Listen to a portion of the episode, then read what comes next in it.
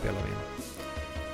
Och den där låten vi lyssnade på, den är ju sjukt episk. Det är från ett väldigt dåligt spel. Det är från Super, Super Bonk till Super Nintendo. Och det är inte bra. Jag tycker bara namnet säger ganska mycket om vad det är för typ av spel. Ja, men... typ- Eller att det är dåligt snarare. Ja, alltså det- Superbonk Ja, låter. det är plattformsspel med en skallig bebis i huvudrollen. Och den där specifika låten också, den kommer från en bonusbana när man styr en liten roterande krabba som flyger runt i rymden och eh, skjuter på mynt, Okej. ish. Så det är ju, det är ju inte riktigt, det är en väldig dissonans mellan eh, den episka musiken och den eh, roterande sjövarelsen.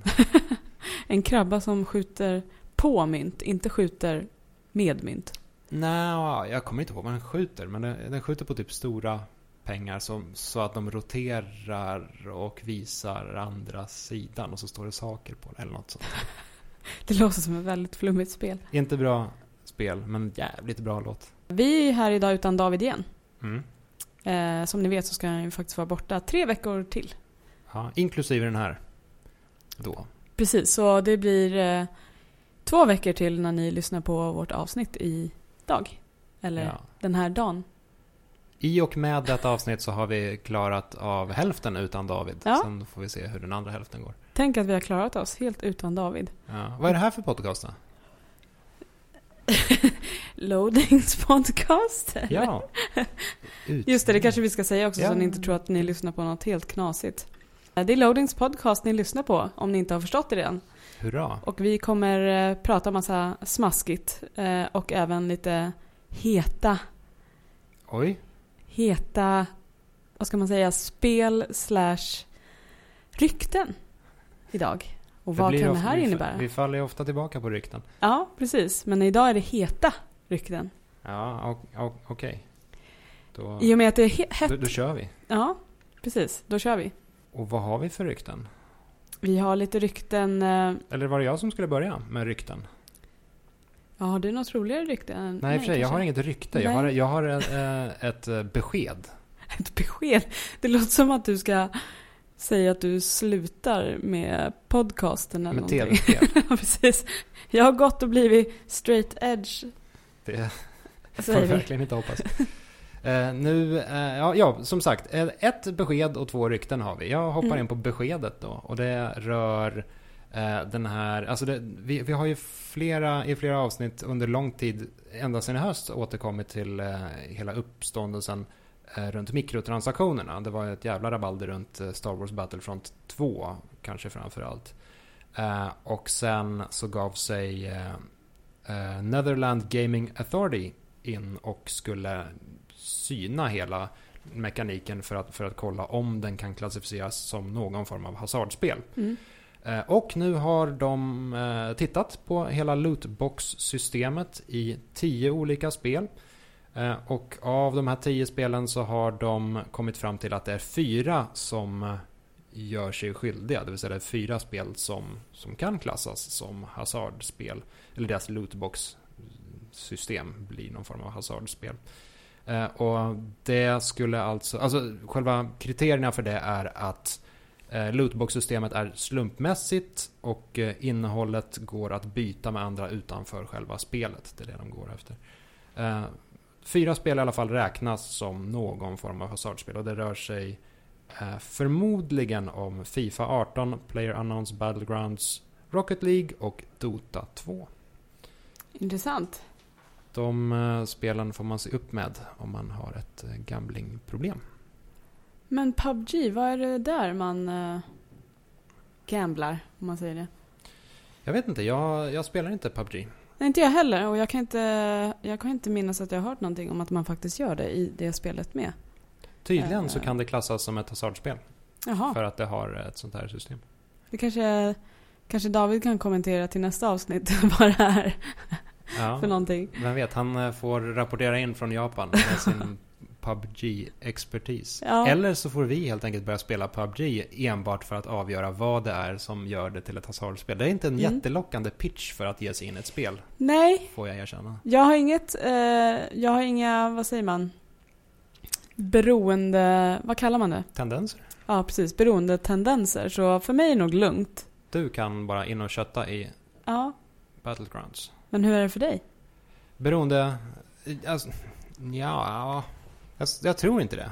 Inte vad jag... Inte, nej. Du spelar inga kasinospel? Jag brukar sällan hänga framför eh, Jack Vegas-maskinerna klockan eh, kvart i tre på natten. Det gör jag faktiskt inte. Eh, nej men jag, jag har heller aldrig riktigt fastnat för något online-rollspel. Jag vet inte om det är Mm. närbesläktat på något Mm. sätt. World of Warcraft till exempel. Det, det, många blev ju beroende av det. Jag Mm. blev inte det. Eh, däremot så har jag väldigt svårt att slita mig från eh, God of War just Mm. nu. Jag vet inte om det är... Det går ju inte att klassa som ett hasardspel direkt, men det är kanske... Det är ett typ form av beroende i alla fall. Ja, någon form av beroende tendens kanske. Om man ska... Ja, om, det blir lite krystat kanske. Mm. Men, ja. Det är ju ett typ av beroende, men det är inte likadant som när man var barn tycker jag när det kommer till just det här med spelberoende. Jag vet inte om du känner så. När man, I alla fall när jag var yngre så jag kunde inte slita mig från spel överhuvudtaget. Det var Right. verkligen, jag satt och spelade i princip hela tiden när jag hade en ledig tid och man satt och längtade när man skulle få komma hem från skolan och spela spel. Ibland gick jag till och med hem på luncherna i högstadiet bara för att spela under Ja. lunchen. Ja, ja men det, det gjorde jag under gymnasiet. Gick Ja. hem på lunchen och spelade Wave Race 64 och lyssnade Ja. på Optalamia. mycket, mycket bra. Men vad, vad spelade du eh, då som blev beroende framkallande? Eller så här, var det Mm. någon speciell typ av spel som du blev beroende av? Eh, nej, inte direkt. Jag vet att jag spelade jättemycket Silent Hill Oh. på luncherna. Sprang jag hem och, och gjorde det. så här, Bra lunchen. ja, precis. Kom in i stämningen lite. ja. Ja, Men eh, annars så, det var lite allt möjligt verkligen. Mm. Så. Men hur, eh, hur slet du dig från beroendet? Var det dina föräldrar som kom in och sa nej, skärp dig? Eller? Jag vet inte faktiskt. Jag tror inte Jag tror jag bara blev äldre. Och sen så började jag plugga eh, på högskolan på Gotland och sen Sen hade jag liksom inte tid att spela hela tiden. Ja. Så då blev det att man kom ifrån det lite. Du Men- spelade Silent Hill tills du blev gammal? Det var enda. Silent Hill 2 spelade jag tills jag blev gammal Ja. och flyttade till Gotland. Jag, tänk, Eh. jag tänker mig att det är lite som eh, den här, det här gamla X-Files avsnittet när Mulder och Scully blir, blir gamla på ett norskt eh, någon här oljetanker. Ja, det, precis. De Det är, just det, det är det. gamla Eller om det är ett skepp de är Ja, på. jo, jo, men det är det. Mm. Lite så, Just fast det. det. är Silent Hill som orsakar Ja. dräneringen av livskraft. Kanske. Spela inte Silent Hill då med andra ord. Om du har eh, beroendetendenser, Ja. kanske framförallt. Men ett Ja. annat, eh, eller Nu har Det- vi ja just det, nu har vi ju ryktena. ja precis. Vi vi har, till dem. vi har ju faktiskt ett, ett riktigt rykte. Eh, tydligen har, eh, Ett, ett rikte. ett, ett rykte. Nu sa jag tydligen igen. Jag måste slå mig själv på fingrarna när jag säger tydligen. Eh, det har dykt upp ett rykte, rykte om att eh, DICE tydligen testar ett eh, Battle Royale-läge i kommande Battlefield-spelet. Just det. Så, så det är ett rykte, så det är inte någonting de har gått ut med offentligt. Eh, det ska tydligen finnas en, tydligen igen, finnas en prototyp av spelläget. Men det verkar ändå som att det kommer inte lanseras när Battlefield släpps, utan det kommer bli en, det kommer vara en senare uppdatering. Eh, så spelläget kommer komma efter releasen med andra Mm. ord. För, för mig som aldrig har utvecklat ett Battlefield-spel i hela mitt liv, Mm. eh, vilket väl eh, gäller de flesta också, att man inte har gjort det, Mm. alltså, så låter det ändå ganska lätt att prototypa ett Battle Royale-läge i ett spel som har liksom så pass eh, färdiga grunder som Mm. Battlefield. Jag menar, Battle Royale, man får ett liv och man har en krympande spelplan. Det borde Mm. gå ganska lätt att lägga in. Sen att det balansera i in absurdum naturligtvis, men Ja, exakt. bara, bara att få in det, en krympande spelplan, det borde väl inte vara så jävla svårt. Man tycker ju inte det. Alltså, de har ju allting där redan. Det är inte så himla svårt förmodligen att skapa bara levlar som då är anpassade efter att det ska, kartan ska kunna krympa. Mm. Det borde inte vara så himla svårt. Ja, för de som inte vet det så Viktor förklarade ju precis vad Battle Royale är. Så det är alltså en spelplan som krymper i princip. Ja, det är ett spelläge i stil med Mm. typ Deathmatch eller uh, Capture the Ja. Flag eller så. Men man eh, har bara ett liv och man uh, slåss på en ständigt Mm. krympande bana. Lite som uh, alltså gamla filmen Battle Royale. Mm. Eh, eller Hunger Games nu Ja. för tiden. Ja, eller PubG också som många är förmodligen medvetna om vad det är för spel idag. Precis, det var det som slog, gjorde att den här subgenren slog igenom stort. Mm. PubG Ja, och även Fortnite. Ja, Ja, det, Fortnite lite senare. ja, precis. För att Fortnite var väl... eh, Jag vet inte om de... De startade ju inte som ett Battle Royale-spel. Nej. Sen lades det till. Det känns Men- som att de kopierade lite PubG. För att Ja, det men, gick så men, bra. var, men de var ju ganska tidigt ute med Mm. att göra det. Mm. Ja, Ändå. precis. Och nu känns det som att nu kommer alla försöka haka på den här vågen. Förmodligen. Ja. Jag vet inte vem som startade Capture the Flag-trenden heller riktigt. Ja, Jag minns inte alls. Jag vet att de också hade det i COD för länge, länge sedan. Eller Ja, de, alltså de har ju kan det vi- fortfarande. Vi Men... kan ju kolla upp. Jag har ju Wikipedia här. Har du vilket spel- Wikipedia? Ja, vilket, Oj. vilket spel var det första bat, Eller vad säger jag? Uh, Capture the Flag. Mm. Vi kolla?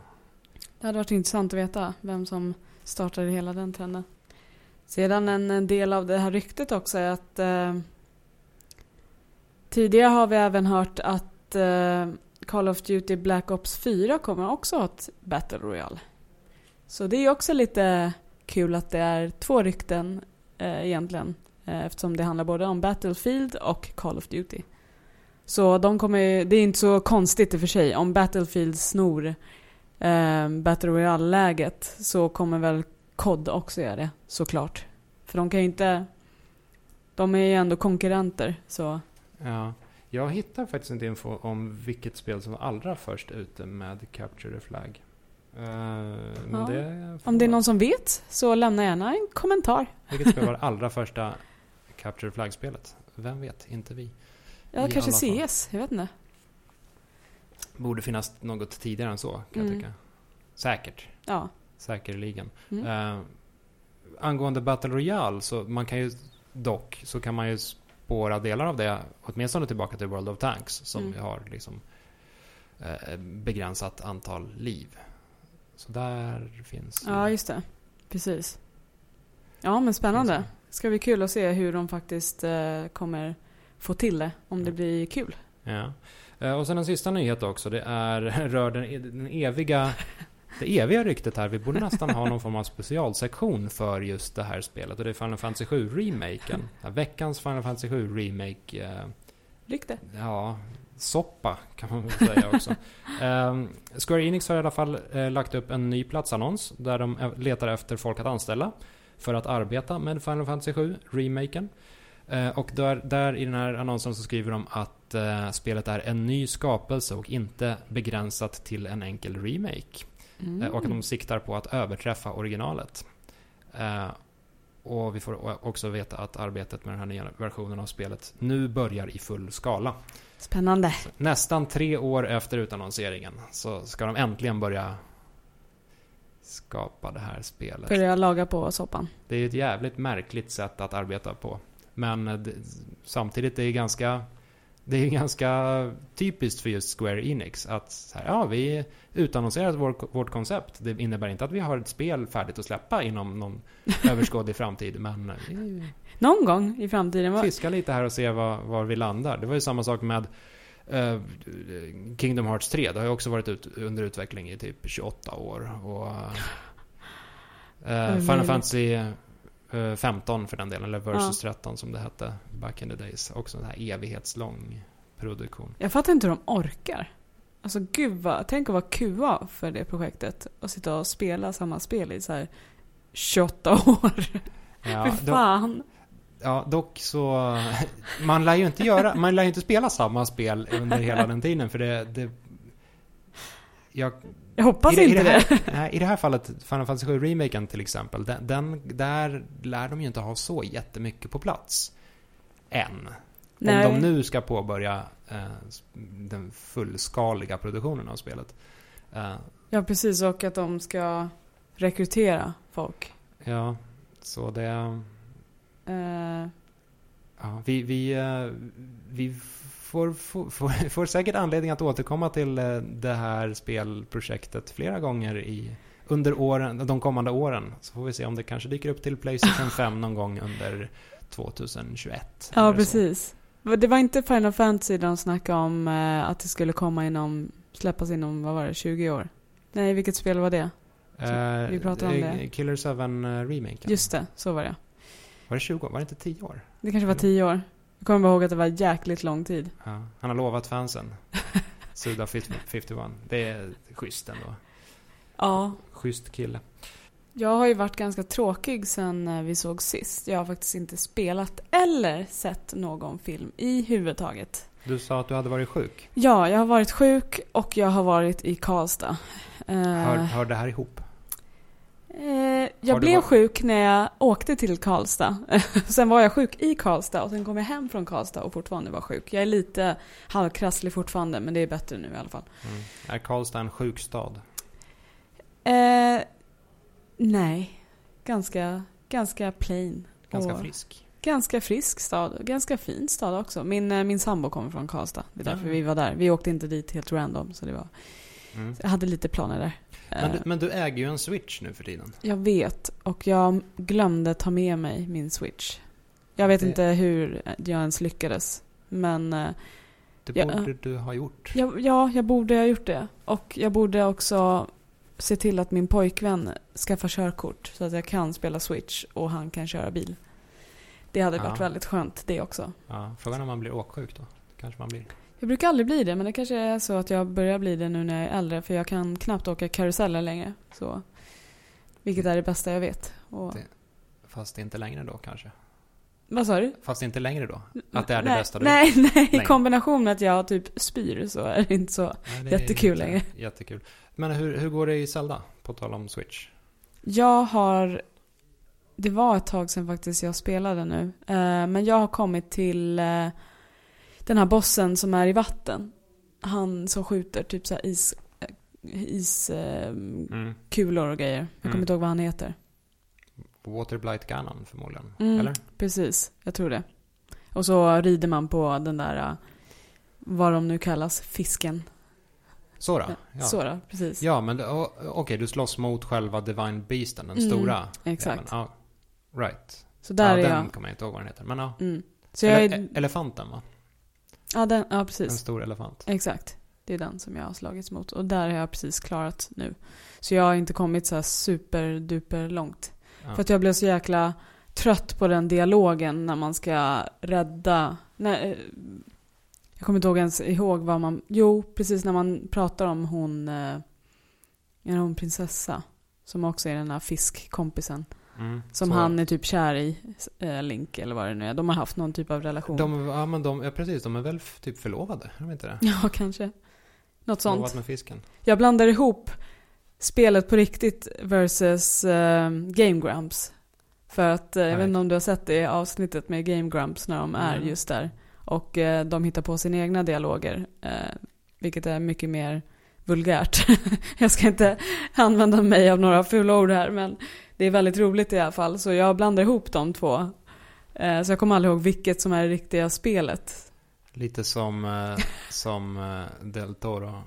Ja, Fi- filmen nu då. Precis. Shape, of Water. exakt. Ja, exakt. Även kallad Grinding Nemo. Grinding Nemo. Även kallad Pacific Rim.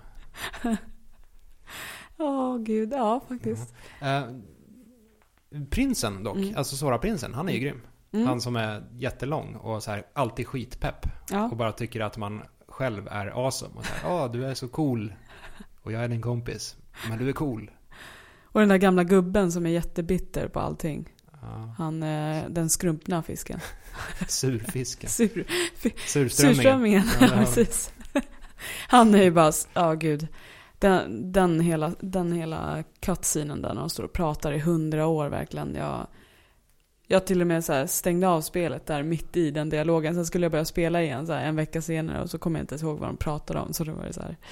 Det var lite dumt att avsluta det där. Men Ja, man behöver inte bry sig jättemycket om storyn i Breath of the Wild. nej. Det, Alltså det är ju själva världen Mm. som är, är behållningen med spelet i Ja. fall som helst. Hela gameplayet är ju det som faktiskt är kul. Mm. Jag har däremot spelat eh, vidare lite i eh, God of War. Eller lite och lite. Jag, alltså jag är klar med God of War i princip. Jag är klar med storyn.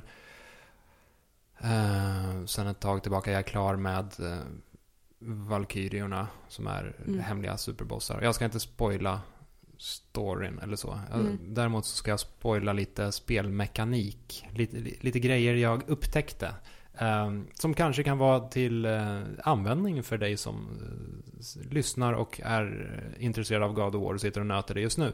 Eh, jag upptäckte att skölden är en jävligt bra grej. Det, det tog mig ja, men, säkert 50 timmar eller så innan jag insåg att vänta ett tag, skölden är faktiskt betydligt bättre än vad man kan tro. För Du klarade det innan skölden då? jag rullade undan istället. Jaha, okej.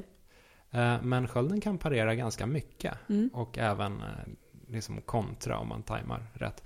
Eh, Och framförallt i, när man slåss mot de här hemliga superbossarna som är valkyrierna. Där eh, är det väldigt bra att använda skölden. Upptäckte jag. Så här. Av vilken anledning? För de, de eh, kör ofta lite så här små attacker som, eh, som kommer snabbt och hyfsat oväntat. Men om man bara låser på dem, upp med skölden hela tiden och för det mesta cirkulerar ut åt höger så är man hyfsat safe från de flesta attacker. Sen eh, kan de göra vissa, de- de kan så här chargea framåt och slå med vingen. Och den går inte att blocka så då får man, eh, får man istället rulla undan och försöka kontra. Så du har hittat en, lite av en sweet spot, kan man säga? Ja, eller i alla fall något form av så här hyfsat bra neutralläge som man kan Mm. utgå från. Håll upp skölden, cirkulera ut åt höger så, och, och sen utgå därifrån. Eh, Är, är det bara höger varenda gång också? ja, för när, när de gör sin vingattack, då är det åt höger som man ska, Mm. att, som man ska rulla undan. Eh, däremot om de, gör, de kan göra en dykattack och slå lite diagonalt, då ska Mm. man istället ut till vänster. Det här är inte bra radio, insåg jag. Rulla var åt olika riktningar, vad fan är det här? Det låter som ett väldigt tråkigt spel.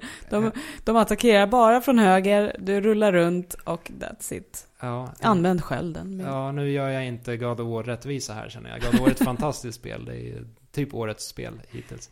Ja, på tal om det så har jag ju hört väldigt mycket sen vi pratade sist om God of War att det är ju typ klassat som...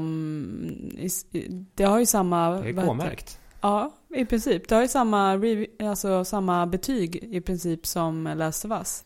I talande stund så ligger det på 95% Ja, på Net- Precis. Metacritic. Så, vad det är har Last of Us? Eh, vi kan kolla. För jag för mig att eh, det nästan har eh, kommit upp i samma... Eller på samma nivå som Last of Us nu. Ja, det är ju ett sinnessjukt eh, högt och, och välförtjänt Mm. För det, det är i så fall väldigt intressant att det är... The Last of Us eh, ligger också på 95. Både originalet och remastern ligger på 95. Däremot The Last of Us Left Behind, det här DLC, det Mm. ligger på 88. Mm. Så det är... Ja, det är ett jätte, jättebra spel. Ja. Det är um, ett av den här generationens bästa spel. Som man kommer att blicka tillbaka på. God of War alltså. Ja.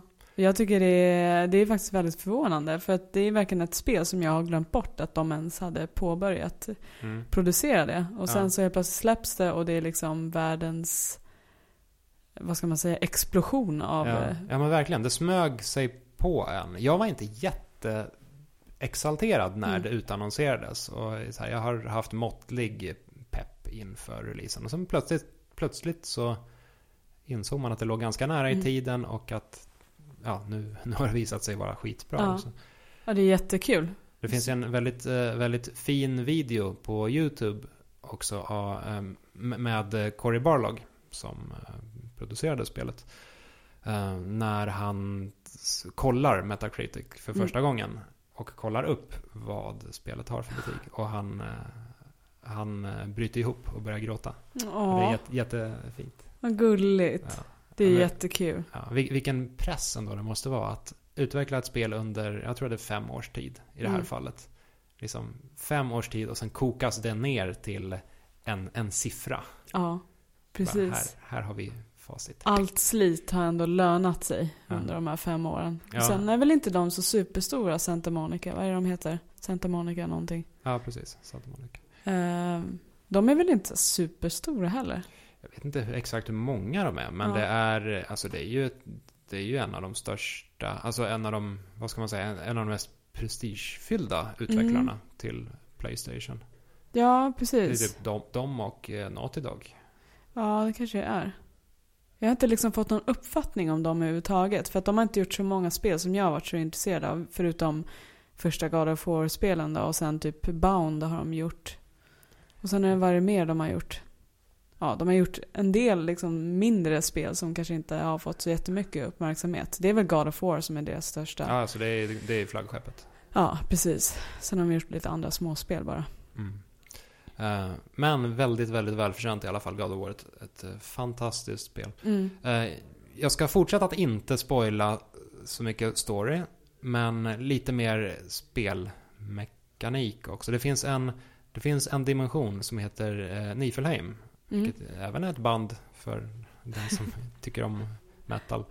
Eh, men eh, det är en dimension där man går in i en eh, labyrint och så slumpas den labyrinten fram och så är det giftdimma där också. Så man kan bara vara inne i labyrinten ett visst, en viss tid. Låter som Zelda. Ja... I den där labyrinten med, vad heter det? Dimman. Som jag tycker var jättestörig. Snackar vi Breath of the Wild? Ja, nu? precis. Förlåt. Breath, Breath of the Wild. När man ska komma till det där gigantiska trädet mitt i den här. Ja, just det. Lost Woods Ja, där uppe precis. i norr. Det låter ja. nästan likadant. Ja. Ja, just det. Så finns det en, eh, en mörkerskog också där i närheten. Där det är Mhm. mörker istället för dimma. ja, den har jag inte kommit till. Det är nice. Men i alla fall, när man är inne i eh, Nifelheim så, så måste man hålla reda på rummen. För de slumpas ju alltid fram och man måste kunna hitta ut innan man får slut på ja, typ syre, antar jag. För att man förgiftas av dimman. Eh, Så jag har suttit med ett anteckningsblock när jag har spelat det här och så har jag bara skrivit upp vilka rum jag passerar igenom. Och då har jag varit tvungen att utveckla någon slags eh, språk för vad det finns för rum. Så Mm. jag har jag har döpt dem till så här dubbelmos och enkelmos och mos gånger två. Eh, sinussåg och så här eh, dubbelsåg och liknande. Låter nästan som en meny på, på en korvmoj eller någonting. Ja, jag ska ha en, dubbelmo en dubbelmos och sen en sinussåg efter det. Men det är också ett tips om man eh, vill genom den labyrinten. Håll koll på vilka rum du går igenom. Det känns, det känns betydligt tryggare också. Då. Så vet man ju hur man backar tillbaka ut om man håller på att få slut på syre. Det är rätt kul. För då har man ändå utrymme för att tänka lite själv. Eh, Det känns lite mer old school. Att man faktiskt måste liksom memorera genom att, som i ditt fall, ändå rita eller skriva ner. Ja, jag, jag tycker att det är, det är lite, lite skönt på något sätt. Just Mm. det här att ha ett anteckningsblock bredvid spelet. Mm. Förr i tiden så hade jag alltid det när jag spelade spel. Och så Mm. fort jag hittade någon ledtråd eller alternativt ett ställe som jag visste att jag skulle tillbaka till senare. Mm. Typ en låst dörr eller någon hög plattform eller sådär. Då skrev jag alltid upp det så här, där ska jag vara. Ja, Men det gjorde jag också. Jag, tyck, jag saknar det i spel idag. För att idag så får man ju allting ja. serverat i princip. Och I gamla spel så fick man först och främst, man fick ju tänka mycket mer själv när det kommer till pussel och allt sånt. Det var ju inte lika enkelt som det är idag. Och sen Nej. just det här, en grej som jag verkligen saknar jättemycket är eh, ett exempel. Koderna i eh, Resident Evil 2 till dörrarna. Mm. Det var ju inget som memorerades någonstans i någon notebook eller någonting i spelet. Utan det var ju någonting du var tvungen att komma ihåg själv. Och det saknar jag i spel att man... För, ju, för som det är nu så är det så att ska du hitta en kod till en dörr så får du oftast det sen inskrivet i någon typ av notebook Mm. i spelet. Så då behöver du inte komma ihåg det egentligen. Eller bara så öppnar du dörren automatiskt när du har hittat koden i Mm. princip. Eller så får man en waypoint som leder Ja. en på rätt spår. Precis. Och kollar man tillbaka på första Zelda till exempel till NES Mm. så fick man ju med en halvt ifylld världskarta där Mm. i papper. Och sen den övre delen av kartan var inte ifylld så då Ja. fick man där ta fram en penna och Ja. rita lite på kartan om man ville ha den kompletta kartan över Hyrule. Ja, och så är det ju GTA 1 också. Det, Man fick en karta som man var tvungen att använda sig av. För det fanns ju ingen minimap i spelet. ja, det, är, en cool grej. Ja, jag saknar det. Varför kan de inte börja göra det nu igen? Ja, men det är, då, då har du ytterligare en anledning att spela God of War. Mm. För då kan du rita en karta. du kan rita en karta eller skriva en korvmoj-meny. Ja, Det låter... det går Som en bra förmodligen, kombo. förmo- förmodligen går det att göra i de flesta av spelen. Rita eh, en karta och, och skriva en meny över mos. Men God of War passar extra bra för detta. Så, Mycket mos. mycket mos. Valborg då? Mm. Eh, försök fundera ut vad det finns för spel. Mm. Jag har några liksom som jag kan komma Mm. på. Du kanske vet redan också några? som- Ja, jag har några på gång. Ska vi prata om... Ja, precis. Vi kör ämnet först, ja. Ja.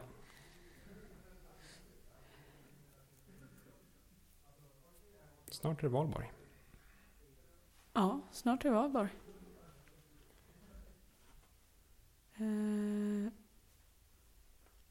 det är ju faktiskt valborg nästa vecka. Ska du göra någonting kul då? Mm, det var, ja, ja, ja, kanske grilla tror jag. Mm. På den stora brasan? På den stora dagen. Nej, inte på den stora brasan, men kanske på en liten grill. Bredvid brasan, kanske? Ja, eller i närheten av en brasa, jag vet inte. Det känns inte jätteviktigt att kolla på en brasa, men det är ganska gott att grilla. Ja, det är ganska gott att grilla och det är ganska kul att leka med eld. Inte Mm. kanske i verkliga livet då, men eh, vi kanske har några spel som vi kan komma på som använder eld på ett väldigt bra sätt. Eller till Mm. och med spel som vi kan elda med. Eld i spel, Mm. helt enkelt. Mm. Ja. Eh, om man utgår från valborg, alltså själva brasan. Det finns många spel som har en väldigt mysig brasa. Typ. Ett Ja, spel med en mysig brasa. Ja, men om man ändå ska börja någonstans. En liten brasa tänker du på, ingen Ja. valborgsbrasa. Nej. jag- Först och främst tänker jag på lägereldar. Om vi börjar, börjar smått. Mm, vi, börjar smått.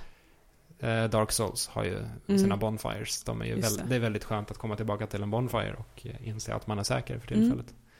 Ja, Eh, precis. Chrono Trigger har ju en väldigt fin eh, brasscen. Mm. När man sitter och Gosa ner sig. kon- kon- kontemplerar, Mm. diskuterar Lavos ute i en skog. Det är många spel som har brasor som save points, har jag kommit på. Mm. Det är ju även, eh, vad heter det, Don't Starve. Om du, Ja, Don't. Starve har ju också lägereldar. Ja, Eh, när man ska hålla reda på hunger och Mm. törst och skit. Exakt. Men eh, det, ja, det verkar vara en gemensam nämnare där, att man använder just lägereldar till någon typ av save, save point. Ja, ja men det är, det är ju tacksamt i och med att eh, lägerelden symboliserar någon slags eh, skydd för natten Mm. och eh, värme och så här matlagning. Och, ja, Mys. det är ju en trygg punkt i tillvaron, en Mm. brasa. Eh, Breath of the Wild, för den delen. Ja, just Där har det. man ju brasor där man kan Jag eh, välja hur länge man ska stanna vid Mm. brasan. Som Man jag använder väldigt flitigt. Ja, jag hatar nätterna i Breath of the Wild. du hatar nätterna? Ja, jag tycker de är så, de är så jobbiga de där jäkla monstren som ska jaga en hela tiden. Jag vill bara vara i fred. Låt mig vara! Du behöver ett spel utan monster. Ja, och utan eh, brasor. För den, eller nej, inte utan. Det är med brasor snarare. För det är det som jag, jag lever på i Breath of the Wild. Ja. Om man går vidare just, bygger vidare på Breath of the Wild och eld för den delen.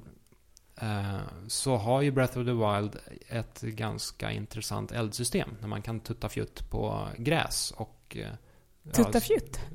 Ja. Sätta Vilket eld på. gulligt ord. Tutta fjutt. Anders och Måns. Ju. Jaha, okej. Ju. Eh, Men ehm, man kan ju starta skogsbränder Mm. i princip. Man kan bränna ner hela jävla skiten i Breath of the Wild. Precis. Vilket man även kan göra i Far Cry-spelen. Just det. Sen vet jag också... Nu, har, nu har elden börjat bli lite obehagligare här. Nu är det inte längre brasor utan nu är det destruktiv eld Ja. vi har börjat komma in på. Precis. Det är kul med spel där man faktiskt använder eld som en mekanik. Mm. Som till exempel ett spel som man faktiskt i och för sig kan slänga i brasan för att det är så jäkla dåligt. Hoppsan. Alone in the Dark som släpptes 2008. Ja, Eh, det är skitdåligt spel. Men, inte ett bra spel. nej, ett väldigt dåligt spel så bränn gärna upp det. Men i det spelet så finns en rolig mekanik just med eld. Vet inte om du kommer ihåg? Det jag kommer ihåg av spelet är att det har en sinnessjukt dålig bilbana. Det är typ det sämsta i hela spelet. För man, ja det går inte att styra den där jäkla bilen. Nej. Men du kan använda dig av eld i alla fall. Eh, för att du kan ju tutta eld på typ vad som helst. Du kan ju dra zombie, jag vet inte, de är typ zombies om jag minns rätt. Zombier. Aha! Zombier, se! Det var länge sedan jag sa, för, sa fel här. Ja. Zombier. Ju- Just nu så kvider David där borta i Japan. Han kommer säkert lämna någon kommentar om det här. Kanske. Eller? Men du kan dra zombier genom eld så att man tuttar eld på dem för att du ska ju tutta eld på dem för att de ska dö. Lite som, eh, vad heter det? Vad finns det mer för spel där man gör det? Att eh, bränna zombier. Mm. Eh, Resident, Evil-remaken precis. Exakt. till exempel. Och även vampyrer brukar man väl tutta eld på också. Har jag för mig. Ja, men de självantänder ju ofta av Ja, just det. De blir så som, heta. Så. ja, Eller blir till sten. Ja, ibland. just det.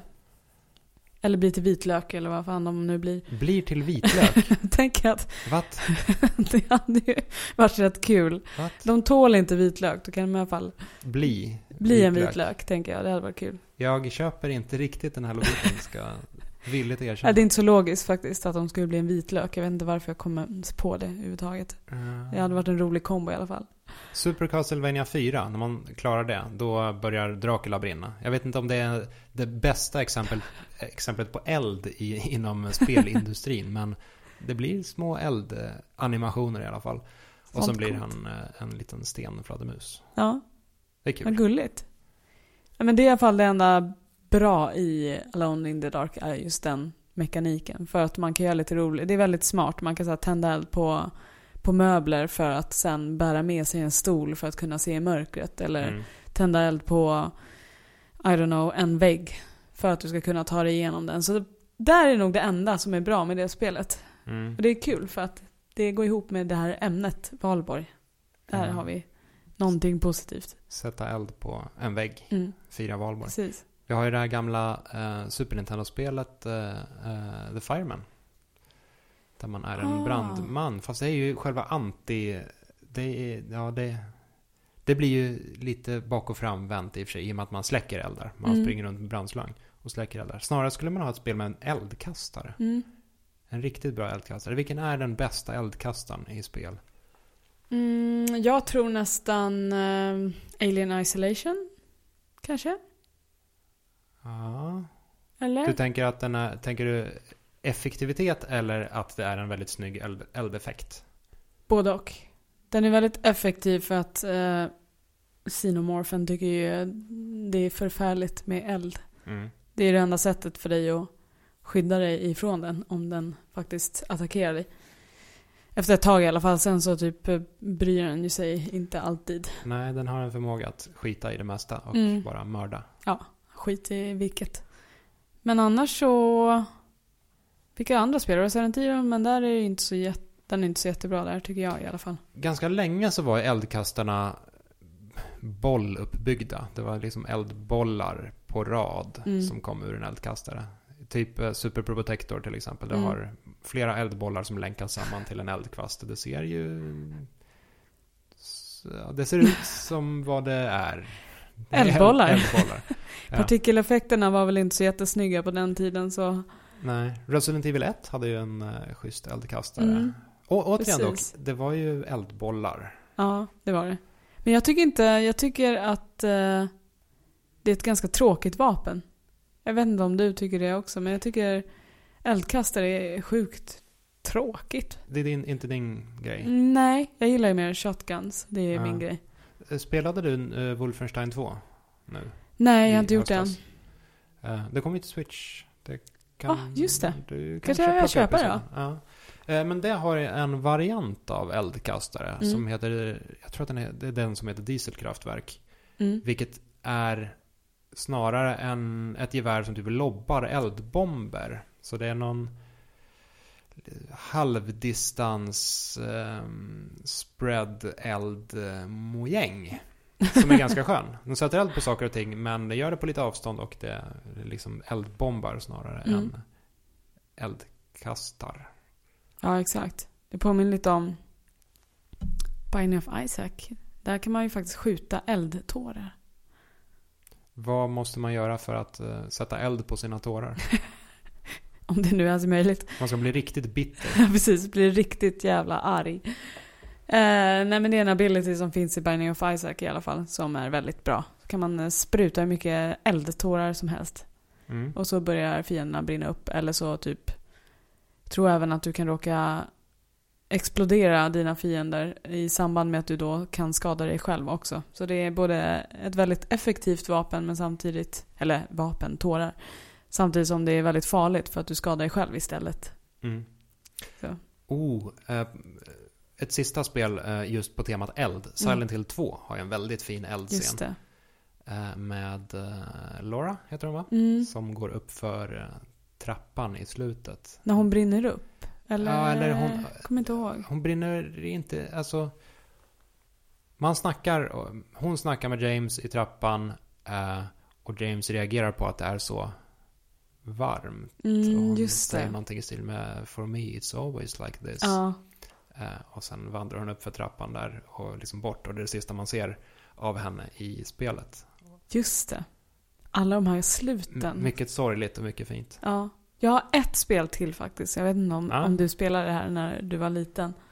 Som heter Roscoe McQueen. Firefighter Extreme till Playstation 1. Spelade du det någonting? Nej, det gjorde jag faktiskt inte. Det här var ett spel som jag hittade ehm, på Playstation 1. Ja. Eh, eller vad säger jag?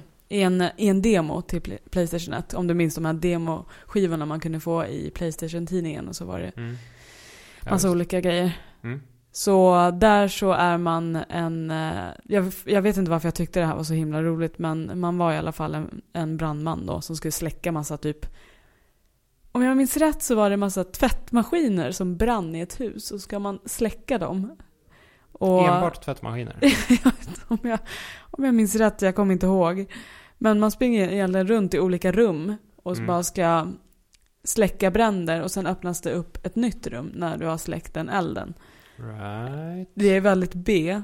Det är väldigt töntigt. Men jag kommer ihåg att det fanns kanske två levlar som man körde i den här demon. Och man körde om och om igen för att man tyckte det var så himla roligt. Mm. Eh, jag har inte spelat den, eh, den, vad säger man, fulla versionen. Eh, så jag vet inte riktigt vad som händer därefter. Om det är det enda du gör genom hela spelet och bara släcker tvättmaskiner eller om man gör någonting annat. Det kan ju vara så att det är liksom ett tema per bana. Så nästa så, jag vet inte, släcker du små grävlingar eller någonting.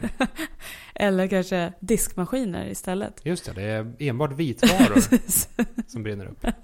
Han är på Mediamarkt och släcker eldar. Mikrovågsugn bonusbanan. Det hade varit kul att veta om det är någon annan än jag som har spelat det här spelet. För att eh, jag har aldrig hört någon prata om det här spelet. Och jag, Det, det kanske finns en anledning till det. ja, det kanske var så jävla dåligt. Så det var ingen som ens gav det en chans överhuvudtaget. Kan ha varit. Det känns som jag är ensam i världen. Ja. Slutligen då, kommentaren. Mm. Eh, om jag vill, ska vi dela upp det eller ska en av oss ta det? Nej, vi delar upp det och så snackar vi lite om de olika delarna av kommentaren.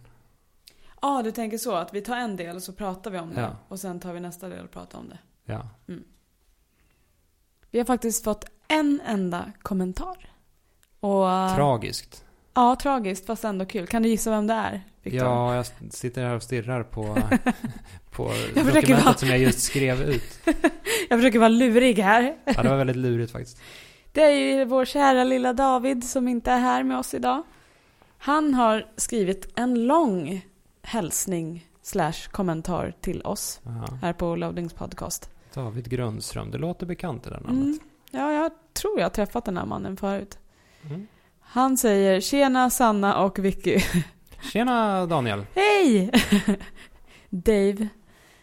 Eh, är mycket riktigt borta två veckor men åker och kommer tillbaka på inspelningsdagar. Så tillsammans med min tråkiga sjukdomsperiod är jag borta totalt fyra veckor från podden. Mm. Inklusive den här, eller ja, det här blir andra då. Så Mm. två veckor till Ja, precis. föräldrafritt. Eftersom han var sjuk förra veckan. Ja. Föräldrafritt, precis. Förlåt David. Aj, aj, aj. Eh, bilden på Alien Resurrection delades tillsammans med ett citat från en recension om, om att det är skumt att spela FPS med båda styrspakarna och att det skulle skylla... Eh, har han skrivit rätt där? Och att det skulle skylla vara någonting negativt. Ja. Jag vet inte. Viktor pratade om något spel han hade recenserat där detta var nytt och skumt. Ja, just det. Jag snackade om, om eh, Playstation 2-spelet Oni. Ja, Eh, exakt. Så var det. Som du tyckte, det var första gången, eller en av första gångerna du eh, spelade ett spel där man använde sig av två styrspakar. Ja, just det. Eh, och du eh, läste ett citat från din egen recension. Så var det. Och... Eh, Klappa mig själv på axeln. ja, exakt. Men jag vet inte om... Är det så att den bilden delades i samband med den recensionen? För jag vet att jag pratade om ett Alien-spel i något av eh, våra tidigare avsnitt. Vi trasslar ju bara in oss mer och mer i den här röran. Så eh, jag, jag säger att vi sakta backar ur det här och istället går vidare i kommentaren. Jag har eh, för övrigt också spelat God of War och vill bidra med mina fem öre. Min favoritgrej är mekaniken när yxan kallas tillbaka, speciellt om man står i en butik utan den och sedan försöker uppgradera den. Då dyker yxan snabbt upp i Kratos hand om man inte burit den när han börjar prata med butiksdvärgen. Eftersom den behövs. Eh, tycker allt kring hela kasta slash kalla tillbaka yxan är så jävla välpolerat. Det är helt korrekt. Jag, eh, jag, jag, jag stod ju en lång stund och bara kastade yxan fram och tillbaka första gången jag lärde mig hur man kastar yxan. Som det- Tor. Ja, Mm. Fram och tillbaka, fram och tillbaka. Och liksom se hur den river upp snöspår i marken eh, som den passerar över. Eller höra klangen när den slår emot små objekt under vägen den tar när den sugs tillbaka in i handflatan på en. Det, det är en Mm. väldigt, väldigt bra och skön mekanik. Har, vi, har det funnits i något annat spel tidigare? Kasta yxa. Ja, på det viset. Som en. Tor. Eh, Ja. Alltså, säkerligen. Men i princip, i princip varenda spelinslag är ju på något sätt gjort i något spel. Mm. Eh, jag kan inte komma på något spel som gör just den här saken på liksom just det här viset. Nej. Att man har ett närstridsvapen som man sen kan kasta iväg eh, på obestämd tid egentligen. Och sen kalla tillbaka när man vill. Mm. Eh, Ja, precis. För jag kan inte komma ihåg att jag har spelat spel som har just den här Torshammare-mekaniken. Nej. Visst att många spel har kastvapen, Mm. men då brukar det ofta vara en låst animation. Att Mm. liksom, det här är kastanimationen. Vapnet går från handen ut i en båge och tillbaka till handen. Ja, I det här fallet så blir det en... Det blir frikopplat på något sätt. Att man kastar iväg yxan. Eh, sen kanske den naglar sig fast i en fiende. Eh, och då kan man fortsätta att slåss, ut, slå, slåss mot andra fiender utan yxan. Eh, och kanske till och med köra klart hela striden utan yxan. Och sen upptäcker man plötsligt att jag har inte yxan längre. Och så håller man inne eh, triangel och då hör man längre bort så här. Men du kan tong, in- tong, tong, du kan- tillbaka. Ja. Men du kan inte spela hela spelet utan yxan va? Eller? Vissa pussel kräver ju att man använder yxan. Man ska Mm. till exempel frysa vissa kedjor på plats för att kunna öppna dörrar. Mhm. Och Mm. man måste ha, ja, man måste ha yxor, Mm. yxan för att passera vissa ställen i spelet. Men liksom, man kan absolut avsluta en strid och gå vidare bort från den striden. Mm. Så här, klättra upp på en eh, avsats och eh, gå vidare ut i skogen utan yxan. Det är väldigt coolt ändå att man har möjligheten att göra det. Drar yxan med sig? Kan den dra med sig någonting? När du kastar iväg den? Mm, Nej. Typ fiender eller... Man vet aldrig vad som dyker upp. Jag tror inte det. Nu har jag, jag har varit väldigt dålig med att experimentera med olika uppgraderingar och sånt. Jag kör mest på de, de man har från början. Men jag, jag har inte sett någonting som gör att man rycker tillbaka. Vad synd, för det hade varit kul att det var lite som eh, en fiskedamm. Man vet inte riktigt vad man får när man eh, drar upp spöet. Just det. Kasta ut yxan i skogen Så kan du få en elefant. en liten grå dvärg eller någonting. Ja. Men då har de någonting att göra inför God of War 2. ja, Säkert. Prata med... Ännu med mer yxmekanik. Prata med, precis. Prata med eh, och eh, kalla tillbaka din yxa. Ja. För det ska ju tydligen vara coolt. Ja, visst. David avslutar kommentaren också. Tack för trevlig podd. Syns om tre veckor eller något så ska jag försöka att inte spilla ut min säd över Mount Fuji. Späda ut säden. Spä, späda ut min... Späda. Späda ut min säd. Vi pratade om det i förra avsnittet. Att ja, fast ska... då var det, då var det sprida ut. Det kanske Alltså, vi sa. Jag det vi ihåg. snackade om var ju att eh, Kratos och Atreus mål i God of War är att ta moderns aska upp på Mm. det högsta berget i alla riken och eh, sprida askan. Och då, Sen på drog jag in någonting snuskigt där, att han skulle späda ut sin säd. Men jag kommer inte ihåg. Sprida ut. Det är två olika saker. jag kommer inte ihåg om vi sa Det späda här, eller... detta evolverar. Alltså, det är en sak att ställa sig på ett det högsta be- berget och sprida ut sin säd. Det, det är ändå ganska... Okej. Det, Okej. Okej, vi, är, vi är inne på ganska sjukt territorium i vilket fall som helst. Men späda ut, då måste man ha med sig vattenflaskor och kanske någon form av eh, bägare eller någonting upp dit. Om man ska stå på det högsta berget och späda ut den. Det låter väldigt avancerat, men det kanske är det David vill göra när han är i Japan. Han tar med sig en liten kanna med säd och späder ut den. Jag har väldigt svårt att, ehm, att relatera till detta känner Nej, jag. tror du? Jag, eh, och, och jag tycker framförallt att vi ska vara snälla mot David, för jag har skickat med honom pengar så att han ska köpa Earth Defense Force 5 åt mig. Om vi bara pratar om hans säd i alla dessa poddar, då, då kanske han inte kommer tillbaka alls. Han får skylla sig själv, det var han som sa det. Eller så kommer han spilla ut dina pengar. Det kan han göra, över det högsta berget Ja. i, eh, i alla riken. Ja, det är snällt. Yes. Eh, ni har lyssnat på Loadings podcast, Ja, vi hade... kära lyssnare. Och det är tyvärr eh, tid för oss att avsluta vårt avsnitt. Ja, jag ska gå tillbaka till deadlinen för tidningen Level. Vi gör eh, nummer 27, eh, gör klart det just nu. Mm. Eh, Så tills vidare kan man nå oss på internet istället. På internet. På internet, där internet. Jag heter att Viktor uh, underscore Sjustrom på Twitter till exempel. Mm. Och jag heter atsandified på Twitter. Även om jag inte är så superaktiv så kan man faktiskt dyka in där och lämna en kommentar om man vill. Ja, och eh, annars kan man lämna en kommentar på loading.se där eh, alla avsnitt eh, publiceras i vanlig ordning. Ja, även Så- på Twitter Ja, i visst. det fallet också. Och Instagram. Ha det bra!